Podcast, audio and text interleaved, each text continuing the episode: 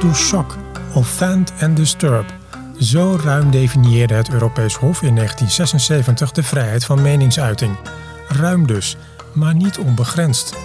Bij discriminatiezaken gaat het vaak om een botsing van grondrechten, waarbij die vrijheid van meningsuiting een rol speelt. En dat het ene grondrecht niet zwaarder weegt dan het andere, dat maakt het lastig, maar ook juist interessant. In deze aflevering van SSR Meestervertellers gaat Daan Langkamp in gesprek met Willem Nijkerk, hoofd van het Landelijk Expertisecentrum Discriminatie, afgekort LECD. Dit expertisecentrum helpt de verschillende pakketten van het Openbaar Ministerie om die lastige afweging van tegengestelde belangen zorgvuldig te maken. Want hoe bepaal je precies wanneer je iets wel of niet mag zeggen?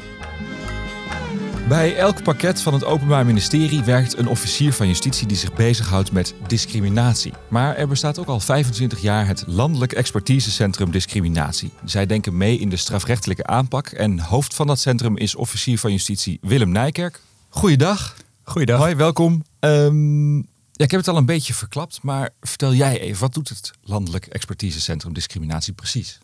Het eh, Landelijk Expertisecentrum, het LSCD, is een uh, eigenlijk een soort kenniscentrum van het Openbaar Ministerie. Daar werken twee officieren van justitie, een aantal beleidsmedewerkers en een parketsecretaris en een beleidsondersteuner. En um, wij adviseren alle discriminatieofficieren in het land over discriminatiezaken. Wij behandelen zelf de discriminatiezaken die in Amsterdam spelen, in het arrondissement Amsterdam. We brengen jaarlijks een rapport uit met alle cijfers die bij het OM uh, uh, spelen op het gebied van discriminatie. En wij denken mee over wetgeving die eraan zit te komen, over de uitvoerbaarheid uh, daarvan. En wij houden heel goed bij wat er allemaal speelt op het uh, discriminatiegebied, uh, de strafrechtelijke aanpak van discriminatie. Ja, dus, maar jullie hoofdtaken is dus als officier van justitie in een zaak bezig zijn en zij denken, hé, hey, hier is sprake van discriminatie. Wat kan ik hiermee? Wat moet ik hiermee? Dat ze altijd een belletje kunnen doen ja. naar jullie. Dat klopt. En um, wij adviseren dus uh, de verschillende parketten daarover. En wij doen zelf uh, ook de Amsterdamse uh, zaken. Ja. Ik kan me voorstellen dat dit soort zaken veel discussie met zich meebrengen, altijd. Zeker. Um, ik vind het interessante aan discriminatiezaken dat het zijn maar zes artikelen in het wetboek van strafrecht. Um, maar er zit een enorme wereld onder of achter. Uh, een wereld van verdeeldheid, van uitsluiting, uh, van polarisatie. Het uh, laat zich vaak zien bij demonstraties. Uh, uitingen die gedaan worden tijdens demonstraties. Hè, mag je dat wel zeggen, mag je dat niet zeggen? En wat ik er interessant aan vind aan die, het hele discriminatiedomein... is dat het vaak ook gaat om een botsing van grondrechten. Uh, er zijn heel veel tegengestelde belangen die uiteindelijk tegen elkaar afgewogen moeten worden. Welke bijvoorbeeld? Um, nou, het, uh, bijvoorbeeld de vrijheid van meningsuiting tegenover het recht op demonstratie. Of de vrijheid van godsdienst. Um, vrijheid van onderwijs. Dat zijn allemaal uh, grondrechten uh, die in onze grondwet staan, uh, die ook in Europees verband zijn vastgelegd. En dat kan wel eens schuren. Ja. Wat mag je nou wel zeggen in het publieke debat en wat mag je nou eigenlijk niet zeggen of net wel en net niet? En, en wie bepaalt dat dan? Nou, uiteindelijk bepaalt de rechter dat. Um, en het Openbaar Ministerie als, als aanklagende instantie beoordeelt het in eerste instantie of we het gaan voorleggen aan de rechter. Nu is er een grote mate van um, uh, vrijheid van meningsuiting, dus je mag echt heel veel zeggen. Daar is al in 1976 is daar een arrest over geweest van het Europees Hof. Die zegt dat uitingen die mogen to shock, offend en disturb, uh, kwetsen, verontrusten. Um, en um, dus je mag heel erg veel, uh, maar het is niet onbegrensd. Dat lees je ook vaak terug in vonnissen van, van rechtbanken en van gerechtshoofd, de Hoge Raad. Dat recht op vrijheid van meningsuiting is niet onbegrensd. Dat mag beperkt worden. En aan het OM is het om in eerste instantie te beoordelen, mag het hier beperkt worden? Um, en als dat zo is, ja, dan kunnen we naar de strafrechter gaan. Uh, om iemand uh, daarvoor uh, ter verantwoording te roepen. Maar is het dan zo dat er grondrechten zwaarder wegen dan andere grondrechten?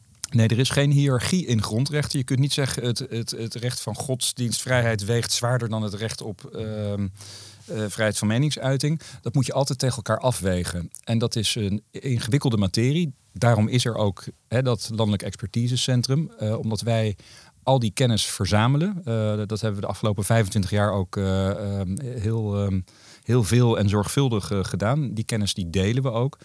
Het gaat om Europese jurisprudentie. Dat is soms best lastig te lezen jurisprudentie. kost. Ja, soms wel. en uh, het gaat om nationale jurisprudentie van uh, ook de Hoge Raad. En gelukkig heeft uh, de Hoge Raad de afgelopen jaren best wel richting gegeven in hoe je nou die discriminatiezaken moet beoordelen. Hoe je dat nou tegen elkaar moet afwegen.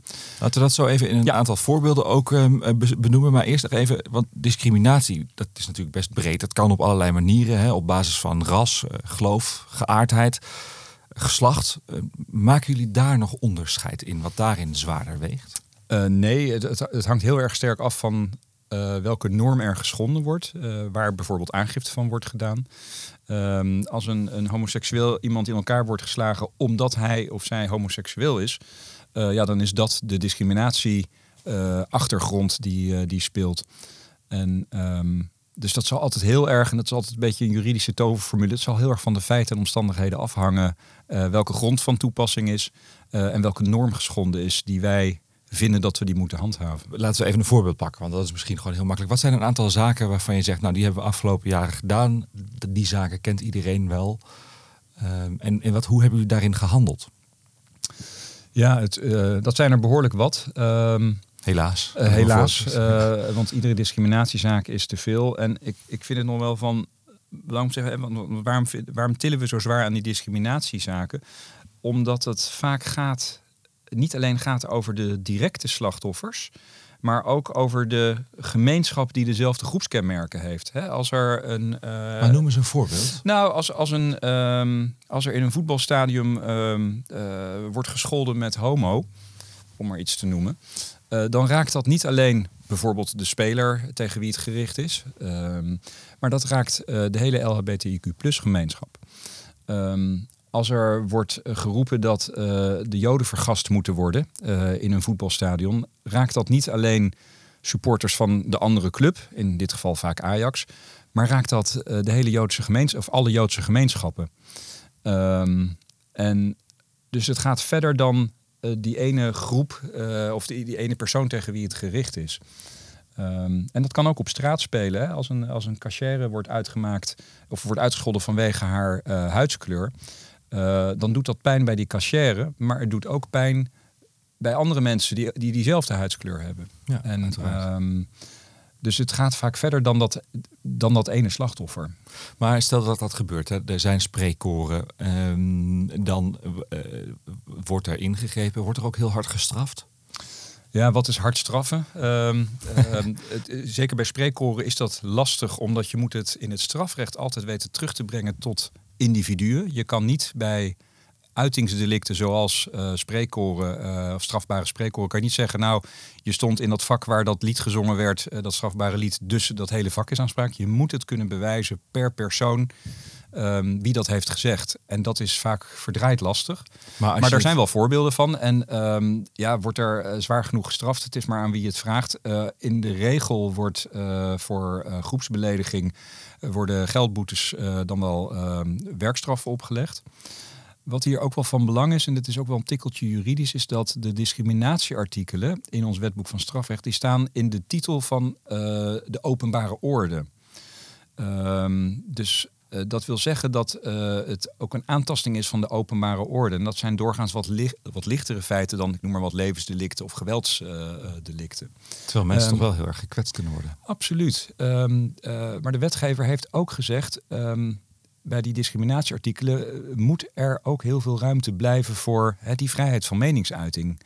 Um, dat is een, een spanningsveld, uh, want je wil ja, voorkomen dat mensen gekwetst worden. Aan de andere kant wil je ook dat het debat, eh, een maatschappelijk debat op het scherpst van de snede gevoerd moet kunnen worden. Nou, dat speelt denk ik, hè, dat maatschappelijk debat speelt natuurlijk niet in een voetbalstadion waar Hamas Joden aan het gas of, of, of met homo's uh, gescholden wordt. Of waar oerwoudgeluiden uh, worden gemaakt tegen, gericht tegen spelers van, uh, van kleur. Maar als die straffen dan relatief laag zijn, zeg ik dan maar even, hè, -hmm. werkstraf, geldstraf. Ja. Kan ik me ook voorstellen dat er een hele hoop slachtoffers zijn die denken, ja, waarom zou ik aangifte doen?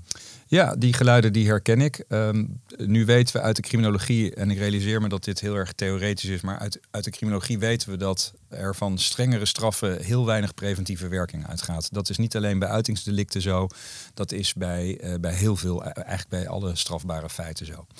Uh, specifiek naar die, naar die spreekkoren denk ik altijd, de mensen die zich daaraan schuldig maken, um, als ze al op de hoogte zijn van eerdere straffen in dat soort zaken. Zullen, als ze in zo'n voetbalstadion zijn met de groepsdrang, uh, zullen ze echt niet denken: oh, laat ik dit maar niet zeggen, want dan krijg ik een hogere straf, namelijk 60 uur werkstraf in plaats van 40 uur werkstraf. Zo wordt er niet gedacht in die, in die, in die kookpot eh, in zo'n voetbalstadion, helaas. Nee. Laten we eventjes um, kijken, want we hadden het al even over dat er veel discussie is op het scherpst van de snede over wat strafbaar is en wat nog kan. Uh, nou, we hebben de coronatijd is achter de, achter de rug. Ehm, daar zijn best wel veel uitingen gedaan. Ook bijvoorbeeld vergelijkingen met het nazisme. Ja. Um, wat kan daar en wat kan niet? Kan je, kan je ons eens meenemen? Ja, nou dat is, um, laat ik vooropstellen, dat is uh, lastig. En ik vond het ook heel pijnlijk vaak om te zien. Ik ben uh, nauw betrokken geweest bij uh, heel veel demonstraties in Amsterdam op Museumplein. En um, dat was nog voordat ik bij het LSCD zat, uh, maar daar heb ik wel veel contact mee gehad in die tijd. Um, wat je daar zag is dat er heel veel mensen waren die forse kritiek hadden op de overheid vanwege de coronamaatregelen. Dat kan. Hè? Dat, dat recht op demonstratie is ongelooflijk belangrijk. Mensen uh, moeten zich ook kunnen uitspreken. Mensen moeten zich ook kunnen uitspreken. En ik weet dat de Amsterdamse driehoek daar ook echt heel veel ruimte aan heeft gegeven. Um, het werd op een gegeven moment werd het pijnlijk toen er uh, mensen verschenen met, uh, met gele jodensterren, uh, die natuurlijk in de oorlog werden gebruikt. En in plaats van een J van de letter Jood stond daar bijvoorbeeld op ongevaccineerd. Dus wat er gebeurde in die, coronamaat, in die coronatijd was dat er heel veel demonstranten die trokken een vergelijking. Die zeiden eigenlijk um, wat er nu gebeurt met die coronamaatregelen is net zo erg als wat er is gebeurd in de Tweede Wereldoorlog. Nou, dat is denk ik een, een totaal misplaatste vergelijking. Uh, om heel veel redenen. Uh, daar wil ik het eigenlijk niet te lang over hebben, omdat ik het zo voor zichzelf nee. vind, vind spreken. Um, hoe wij daar. Um, maar is het strafbaar? Nou ja, kijk, wij kijken er vanuit de discriminatiehoek naar. Het is pas strafbaar als er een negatieve conclusie wordt getrokken over een groep mensen vanwege hun ras, en of geloof uh, of, of, of, levensovertuiging. En dat speelde hier niet. Er werd een vergelijking getrokken tussen uh, uh, Joodse mensen en de, de, coronamaatregelen. Maar er werd niet iets negatiefs over Joodse mensen gezegd. Er werd een vergelijking gemaakt met de gebeurtenis. Exact. En er werd een vergelijking gemaakt met de maatregelen van die tijd. Maar er werd niet gezegd uh, nou, die, die, geluiden hebben we ook gehoord. Dat is dan weer wel strafbaar. Als er wordt gezegd, de Joden hebben de corona uh, uh, Europa ingebracht. Of, of die hebben de, de, de, maatregelen daar de hand in gehad. en het is de schuld van de Joden.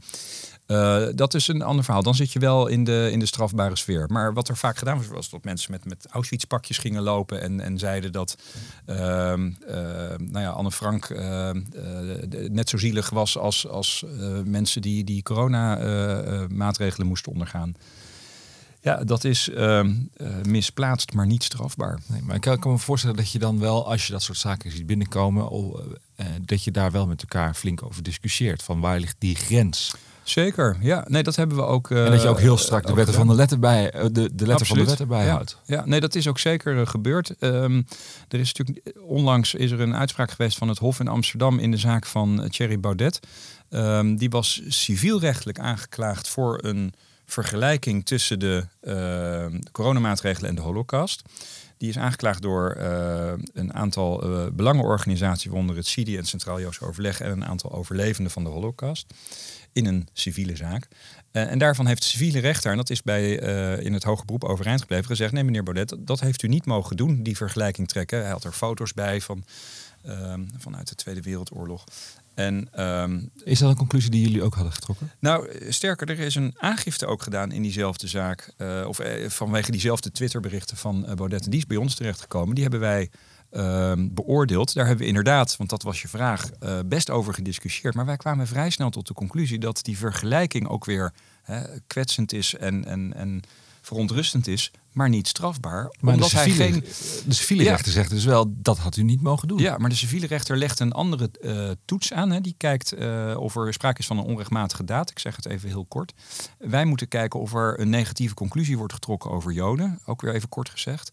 En wij kwamen eigenlijk al heel snel tot de conclusie dat dat niet het geval was.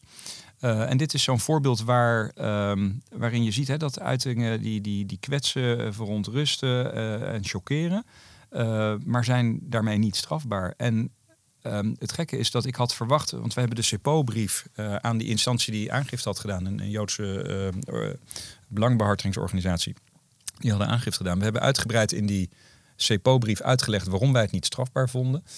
Uh, die brief hebben we ook integraal op internet gezet, zodat iedereen daar kennis van kon nemen. En uh, daar hebben we eigenlijk helemaal geen persvragen over gehad.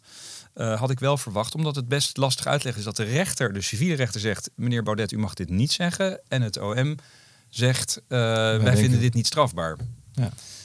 Um, wij staan nog steeds uiteraard achter onze beslissing. Uh, die is tot op heden ook gewoon overeind uh, gebleven. Maar het is goed om je om voor ogen te houden dat het een ander toetsingskader is. Maar ik snap heel goed, met name ook richting Joodse organisaties, uh, dat dat heel lastig uit te leggen is. Nou ja, want ik kan me voorstellen dat je vaker zaken goed moeten uitleggen. Laten we even ja. een voorbeeld noemen van de Koranverbrandingen. Daar hebben jullie ook ja. aangiftes van binnengekregen. Ja. ja. Mensen voelen zich daar echt ehm, door beledigd. Ja. Maar hoe zit dat? Ja, nou, daar moet ik wat voorzichtig zijn, omdat daar uh, op dit moment ook nog een onderzoek loopt uh, bij het parket in Den Haag. Uh, daar is het, het, LSCD natuurlijk ook over geconsulteerd.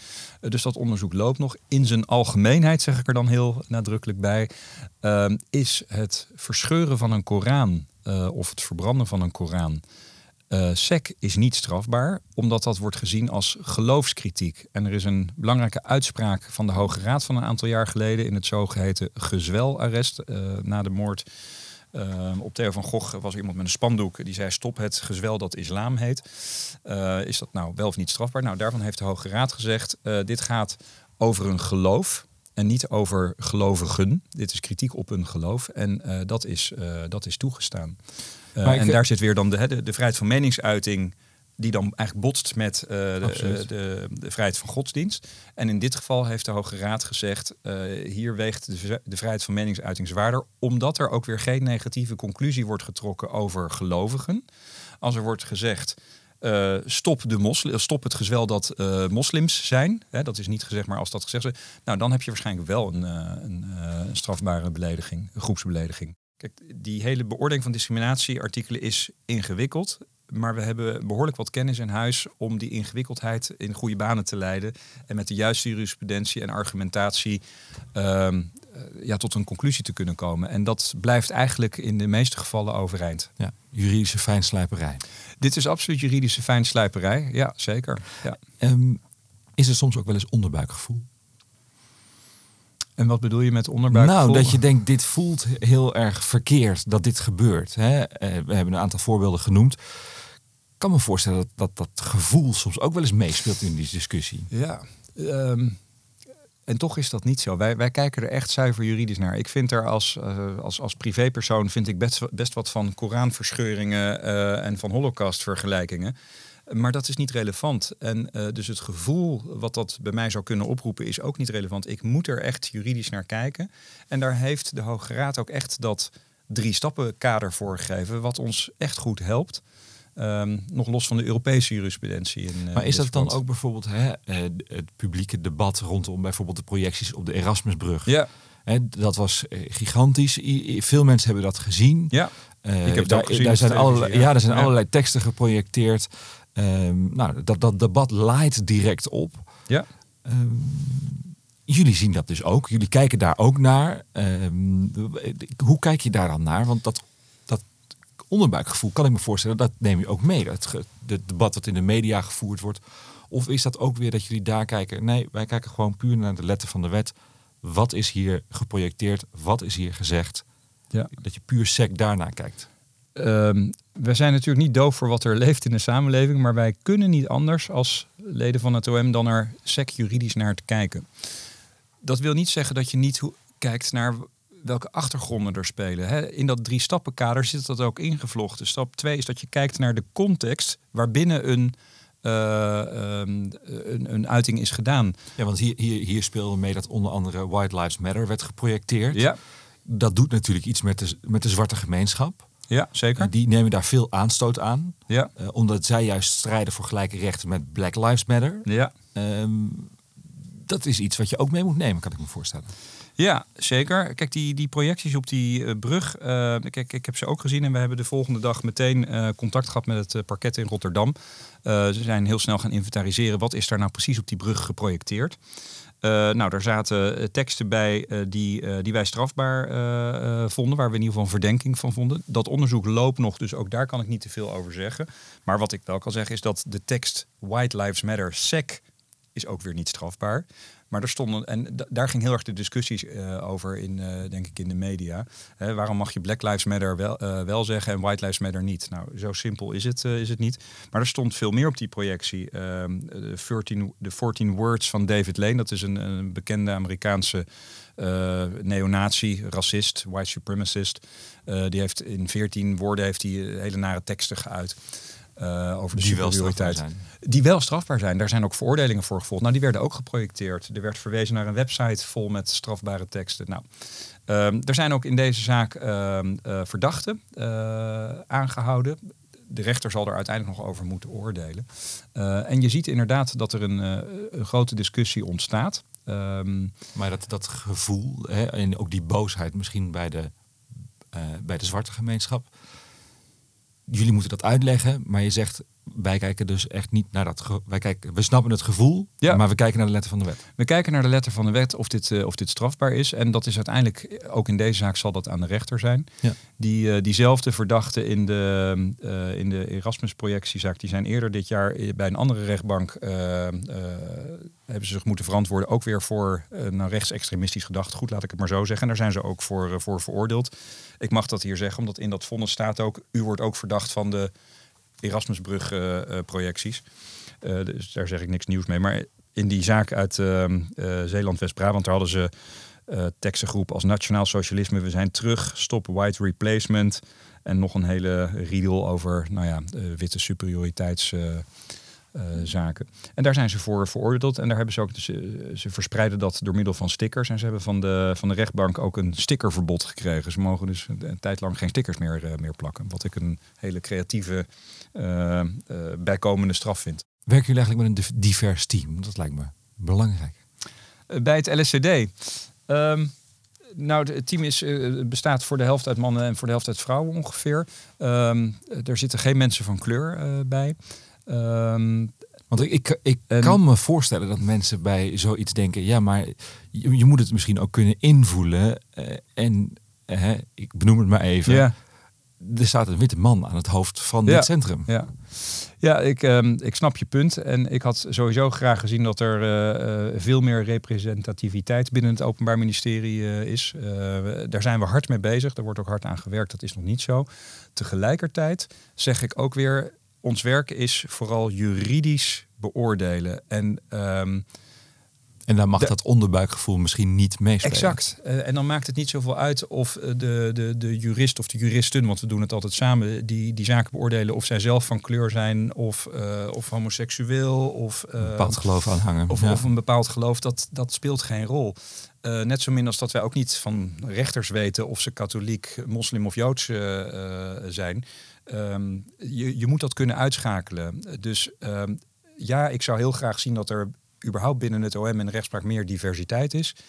Uh, maar ik denk niet dat, zoals het op dit moment is samengesteld, dat dat afbreuk doet aan de kwaliteit. Uh, want dat invoelen, ja, dat moet je echt opzij zetten. Wij moeten daar juridisch naar kijken. Dat is wat de wetgever van ons vraagt en wat de wet ons ook opdraagt. Ja.